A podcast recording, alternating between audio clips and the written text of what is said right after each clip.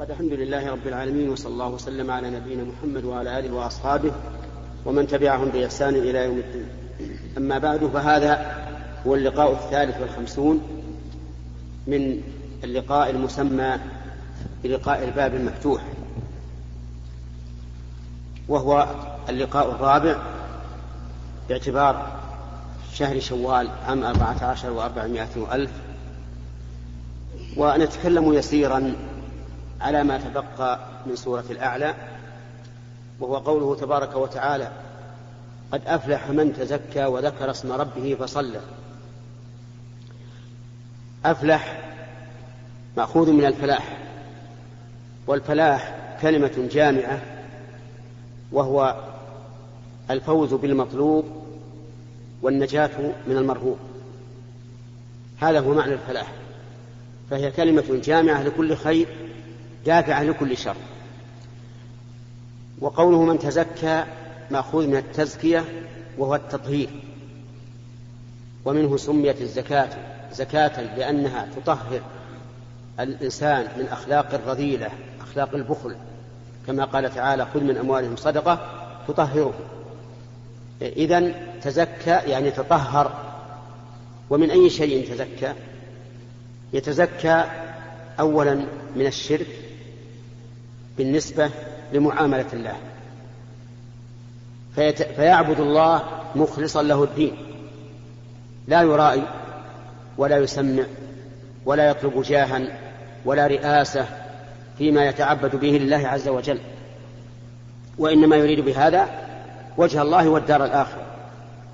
تزكى في اتباع الرسول عليه الصلاة والسلام بحيث لا يبتدع في شريعته لا بقليل ولا كثير لا في الاعتقاد ولا في الأقوال ولا في الأفعال.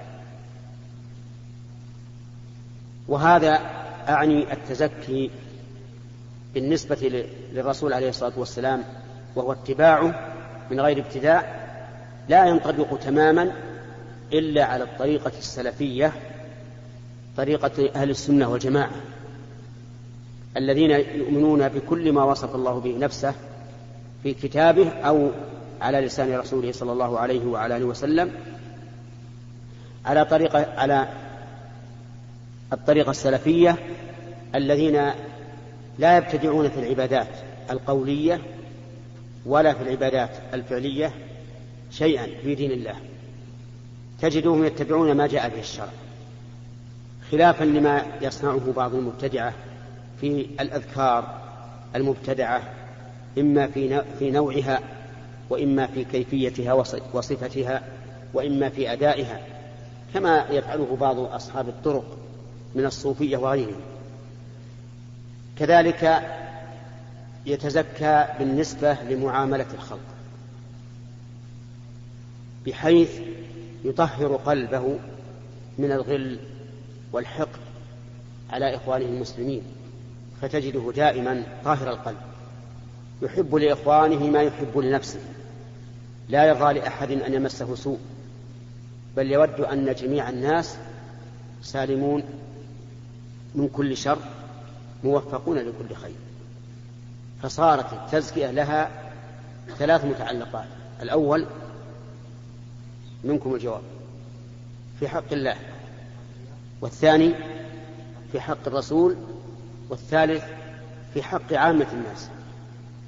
في حق الله يتزكى من الشرك فيعبد الله تعالى مخلصا له الدين.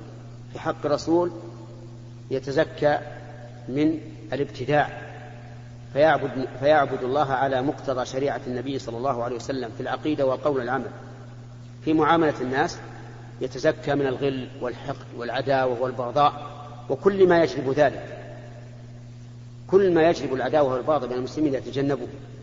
ويفعل كل ما فيه المودة والمحبة. ومن ذلك من ذلك إفشاء السلام الذي قال فيه الرسول عليه الصلاة والسلام والله لا تدخلون الجنة حتى تؤمنوا ولا تؤمنوا حتى تحابوا. أفلا أخبركم بشيء إذا فعلتموه تحاببتم أفشوا السلام بينكم.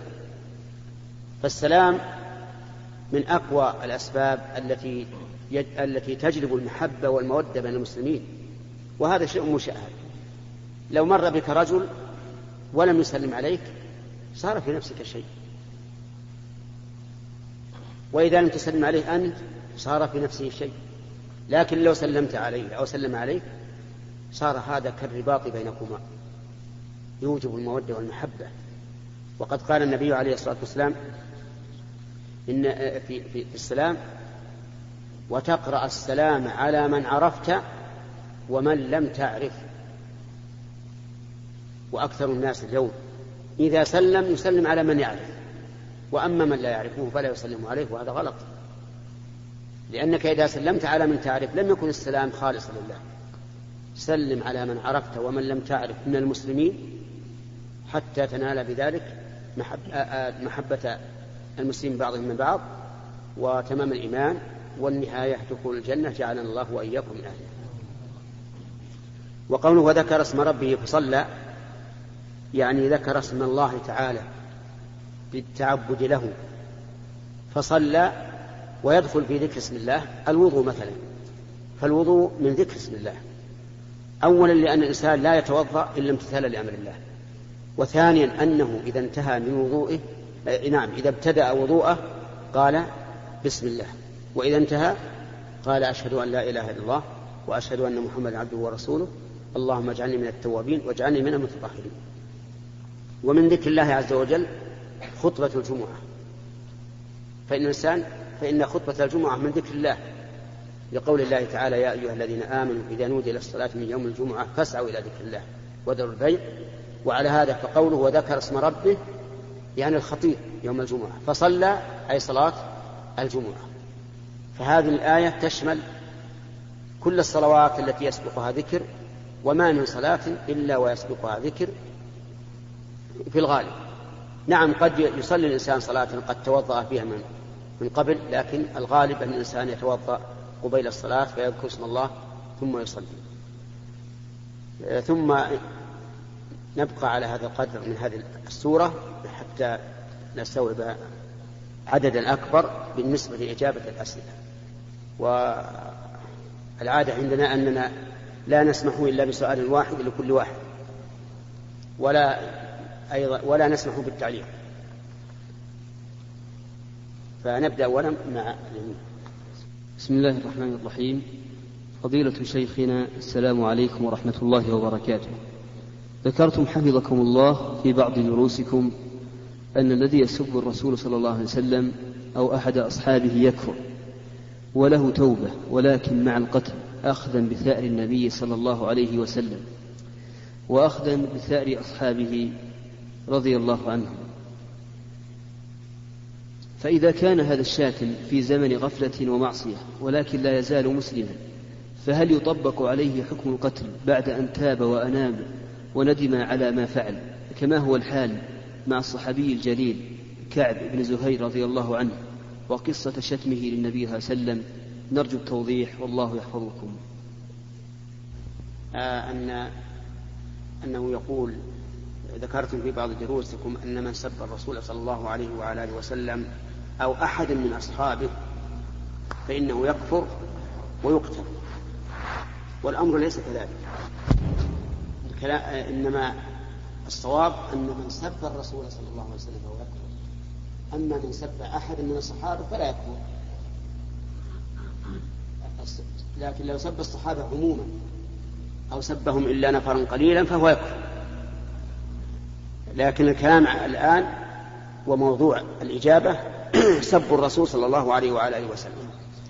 إذا سب الرسول فإنه يكفر سواء كان جادا أو مازحا أو مستهزئا فإنه يكفر. بقول الله تبارك وتعالى قل أب الله وآياته ورسوله كنتم تستهزئون لا تعتذروا قد كفرتم بعد إيمان. ولكن إذا تاب فإنها تقبل توبته لقوله تبارك وتعالى قل يا عبادي الذين أسرفوا على أنفسهم لا تقنطوا من رحمة الله إن الله يغفر الذنوب جميعا. ولكن هل يسقط عنه الكفر؟ هل يسقط عنه القتل؟ الجواب على هذا فيه تفصيل. إن كان الذي سب الرسول عليه الصلاة والسلام سبه وهو كافر لم يسلم بعد فإنه لا يقتل. لعموم قوله تعالى كل للذين كفروا إن ينتهوا يغفر لهم ما قد سلف. أما إذا كان الذي سب الرسول مرتدا آه مسلما وارتد بسبب سبه الرسول عليه الصلاة والسلام فإن القول الراجح الذي اختاره شيخ الإسلام ابن تيمية أنه يقتل. مع قبول توبته. أخذا بالثأر لرسول الله صلى الله عليه وعلى آله وسلم. فإن قال قائل إنه قد وجد أناس سبوا الرسول صلى الله عليه وسلم وقبل توبتهم ولم يقتلهم. قلنا نعم هذا صحيح. لكن الحق في القتل لمن؟ للرسول صلى الله عليه وسلم. وإذا عفى عنه في حياته فالحق له. إن شاء قتلهم وإن شاء لم يقتلهم. لكن بعد موته هل نعلم أن الرسول عفى عنهم؟ لا.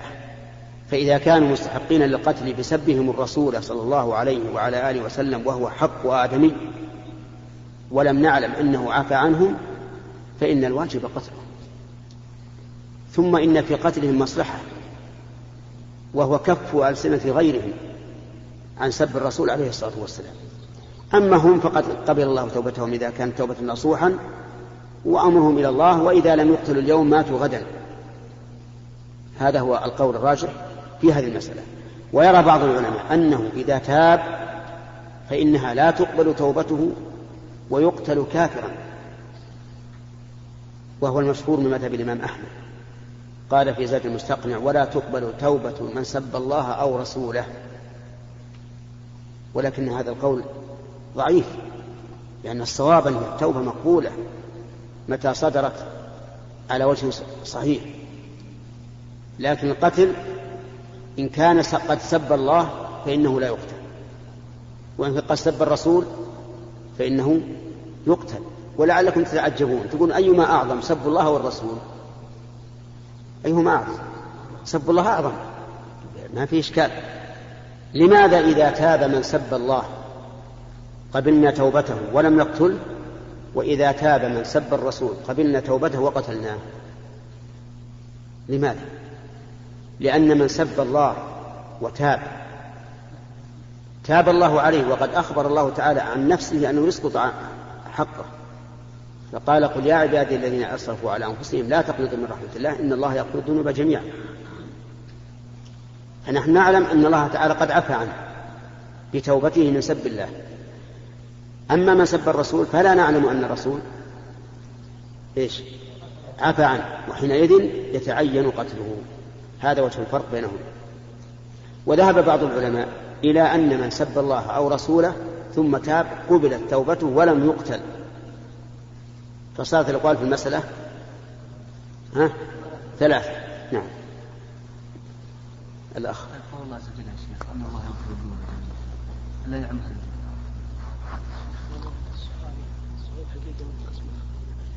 اي طيب.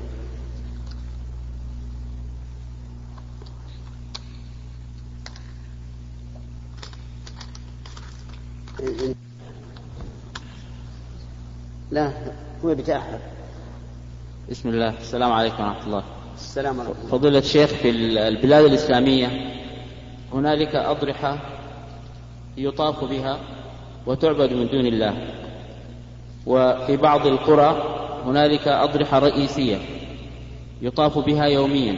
وفي إحدى القرى هنالك حوالي تسعة وتسعين ضريحا. وهذه يحج إليها ويطاف بها. وذكر أحد إخواننا أنه طاف بها منذ صلاة منذ صلاة الفجر إلى صلاة الظهر حتى أكمل الطواف. وفي هذه القرى مساجد وتقام فيها صلوات. ولكن هل ومع ذلك بلغتهم دعوة التوحيد. فما حكم هذه الصلوات؟ وما حكم هذه العبادات؟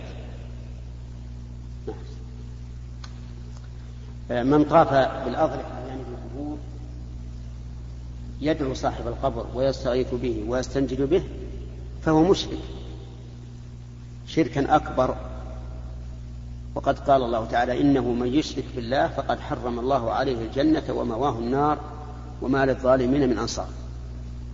وإذا صلى هؤلاء في المساجد وهم مصرون على هذا الشرك أعني دعاء أصحاب الأضرحة والاستغاثة بهم فإن صلاتهم لا تقبل منهم ولا تنفعهم عند الله.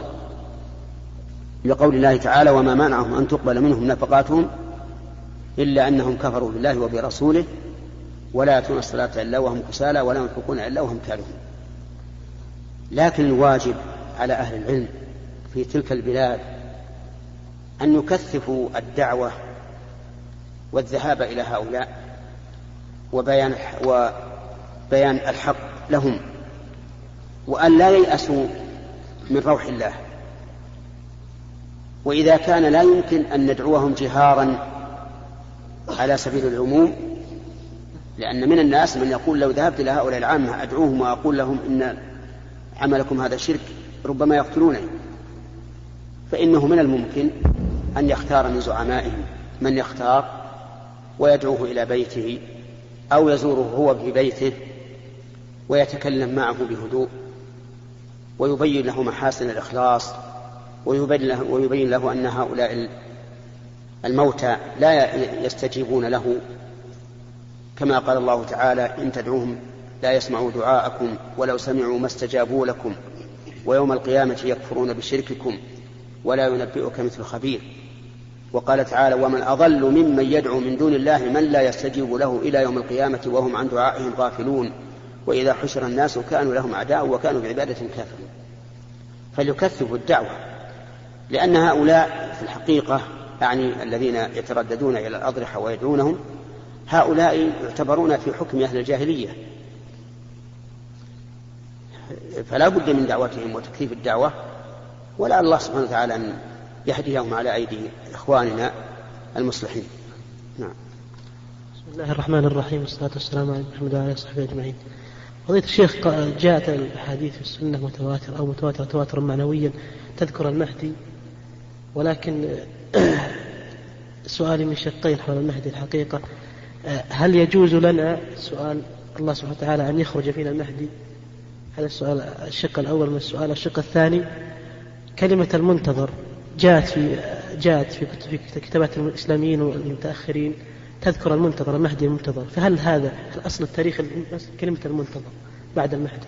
جزاك الله آه، المهدي وردت فيه أحاديث انقسمت إلى أربعة أقسام. أحاديث موضوعة مكذوبة على الرسول عليه الصلاة والسلام وأحاديث ضعيفة وأحاديث حسنة وأحاديث صحيحة بغيرها. والصحيح أنه سيخرج ولكن متى يخرج؟ يخرج إذا اقتضت حكمة الله عز وجل خروجه. حين تملأ الأرض جورا وظلما. وانتبهوا لكلمة تملأ الأرض. يعني لا يبقى عدل ولا إحسان. فإذا ملئت الأرض جورا وظلما ولم يبقى عدل ولا إحسان حينئذ يبعث الله سبحانه وتعالى المهدي. يبين الناس الحق ويدعوهم إلى الحق ويهديهم الله عز وجل على يديه. هذا هو الصحيح المعتقد عندنا. وللشيخ عبد المحسن العباد محاضرة في مجلة الجامعة الإسلامية. أيام كان الشيخ عبد العزيز بن باز رئيسا للجامعة وهي محاضرة قيمة أحيل الأخ السائل عليها حتى يتبين له حكم خروج المهدي. أما كلمة المهدي المنتظر فهذا هو مهدي الرافضة الذي يدعون أنه في سرداب في العراق وأنه حي وأنه ينتظر الفرج وأنه سوف يخرج وجهالهم كما نقل عنهم السفارين رحمه الله يخرجون في صباح كل يوم عند هذا السرداب ومعهم فرس ورمح وماء وعسل وخبز كل يوم. يقولون ننتظر خروجه في هذا الصباح من أجل أن يفطر بالخبز والعسل والماء ثم يركب الفرس برمحه ويخرج إلى الناس يقاتل الظلمة لأن عندهم أو عند كثير منهم أن كل الناس ظالمين. أن كل الناس ظالمون. حتى أبو بكر وعمر رضي الله عنهما ظلمه. في رأيهم يقولون إنهم ظلموا علي بن أبي طالب رضي الله عنه فأخذوا منه الخلافة واغتصبوها منه. فهم ظلمة وليسوا خلفاء. الخليفة المستحق للخلافة هو علي بن أبي طالب رضي الله عنه. ومن عجب أني رأيت للشهرستاني في كتاب الملل والنحل قولا عجبا. قال إن أبا بكر وعمر ظلمه وإن عليا ظالم أيضا لأنه لم يأخذ بالثأر لنفسه. نسأل الله العافية. صار هؤلاء وهؤلاء عند الشرذمة ظلمة. لكن عامة الرافضة لا يقولون بهذا. يقولون إن أبا بكر وعمر كانا ظالمين مغتصبين للخلافة وأن علي بن أبي طالب هو الخليفة. ولا شك أن قولهم هذا مرفوض بقول علي بن أبي طالب رضي الله عنه. فإنه كان صح عنه بالنقل المتواتر أنه قال على منبر الكوفة خير هذه الأمة بعد نبيها أبو بكر ثم عمر. يعلنها رضي الله عنه. وهذا تمام الإنصاف وتمام الحق والعدل منه رضي الله عنه. لكن من يدعون أنهم أتباعه خالفوا طريقه في هذا وهو قد بايع لأبي بكر وبايع لعمر ووازرهما و وكان معهما بل قد بايع لعثمان بن عفان رضي الله عنه. وهذا معروف في السير والتاريخ. فالقول بأن فإرداف كلمة منتظر بكلمة المهدي هذه مأخوذة عن الرافضة. ونحن نقول إن هذا المهدي سوف يخرج إذا اقتضت حكمة الله تعالى ذلك بحيث تملأ الأرض ظلما وجورا. والذي يقول اللهم أخرجه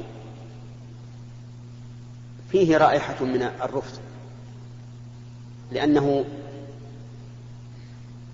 يعتقد الآن أن الأرض مملوءة ظلما وجورا. والأرض ولله الحمد ليست مملوءة ظلما وجورا. الأرض الآن والحمد لله فيها أناس يحكمون بالعدل ويقضون بالحق ويقيمون الشريعة بحسب المستطاع سواء كانوا من أفراد الشعوب أو من حكام الشعوب وهذا أمر يعرفه كل واحد. بل إن الناس اليوم ولا سيما الشعوب خير منهم بالأمس. ظهروا لله الحمد فئات متعددة في البلاد الإسلامية كلها تنادي بالإسلام وتناضل من أجله وتطبق من الإسلام ما استطاعت. فالإسلام لله الحمد في مستقبل خير؟ الآن حتى في في الأمم الكافرة كأمريكا وفرنسا وإنجلترا وغيرها فيها شعوب فيها أفراد كثيرة فئات كثيرة مسلمة تدعو للإسلام. والآن ال... الإسلام له وزن حتى في أمريكا. حتى في أمريكا له للإسلام وزن في الوقت الحاضر والحمد لله. وحتى كما يذكر أن رئيس أمريكا هنأ مسلمي أمريكا في عيد الفطر هذا العام ومسلمي جميع العالم. وهذا ما يدل على أن الإسلام الآن أصبح له وزن. وما ذكر من هؤلاء الطغاة أعني من طغاة الكفرة أن الإسلام يهدد البشرية فهذا من وحي الشيطان. الإسلام يهدي البشرية ولا يهدد البشرية. أي نظام أحسن من دين الله؟ أفحكم, الجاهل أفحكم الجاهلية يقول ومن أحسن من الله حكما لقوم يوقنون؟ انتهى الجواب؟ فهمت الآن؟ طيب. المتقدمين ذكروا المتقدمين ذكروا ما لا يصح أبدا لا يصح. ولا نعبد. نقول المهدي كما جاء في الحديث فقط. ولا نقول المنتظر نعم. بسم الله الرحمن الرحيم. السؤال يا فضيلة الشيخ هو أنه يوجد عند بعض المكتبات التجارية إعلان يشتمل على أن من يدفع في الشهر مبلغا معين من النقود مثل 500 ريال أو نحوها فإنه يحصل له أمرين. الأمر الأول يزود بالكتب الجديدة في مواد التخصص في الفقه ونحوه وكذلك أنه يعطى بطاقة تخفيض عشرة في المئة إذا أتى يشتري. فما حكم ذلك؟ فهمتم السؤال الآن؟ يقول يوجد إعلان على أن من يدفع في الشهر خمسمائة ريال أو أكثر أو أقل. فإنه يعطى الكتب المتخصصة التي يطلبها. وينزل له نسبة في الكتب الأخرى. وجوابنا على هذا أن, أن هذا نوع من الميسر الذي قال الله تعالى فيه يا أيها الذين آمنوا إنما الخمر والميسر والأنصاب والأزلام رجس من عمل الشيطان. والميسر كل معاملة مبناها على المغالبة إما غانم وإما غارم. هذه القاعدة الشرعية في الميسر. فهذا الرجل الذي يدفع كل شهر 500 ريال قد يشتري كتبا تكون نسبة التنزيل فيها أكثر من ألف ريال مثلا وقد لا يشتري شيئا.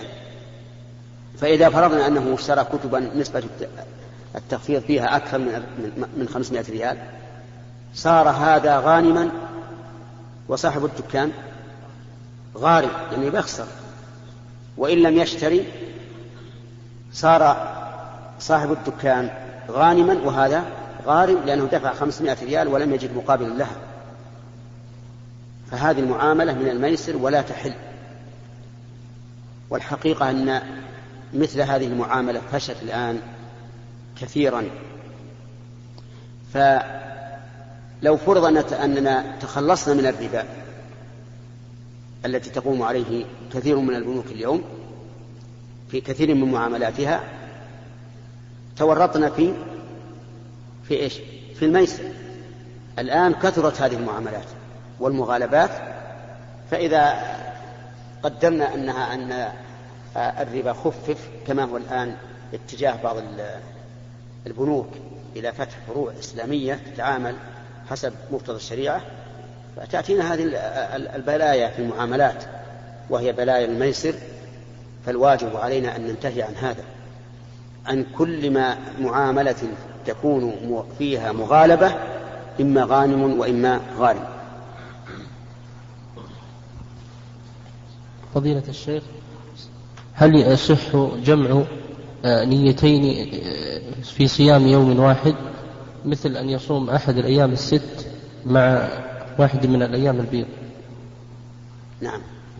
العبادات أحيانا تتساقط يعني يسقط بعضها بعضا وهذا فيما إذا علمنا أن المقصود حصول هذه العبادة في هذا الوقت دون النظر إلى ذات العبادة. فمثلا إذا دخل الإنسان المسجد فإنه لا يجلس حتى يصلي ركعتين.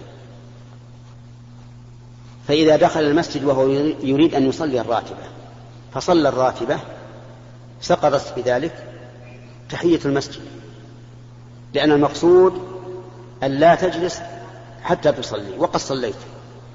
وكذلك لو دخلت والإمام يصلي فإن من المعلوم أنك سوف تدخل مع الإمام وتسقط عنك تحية المسجد.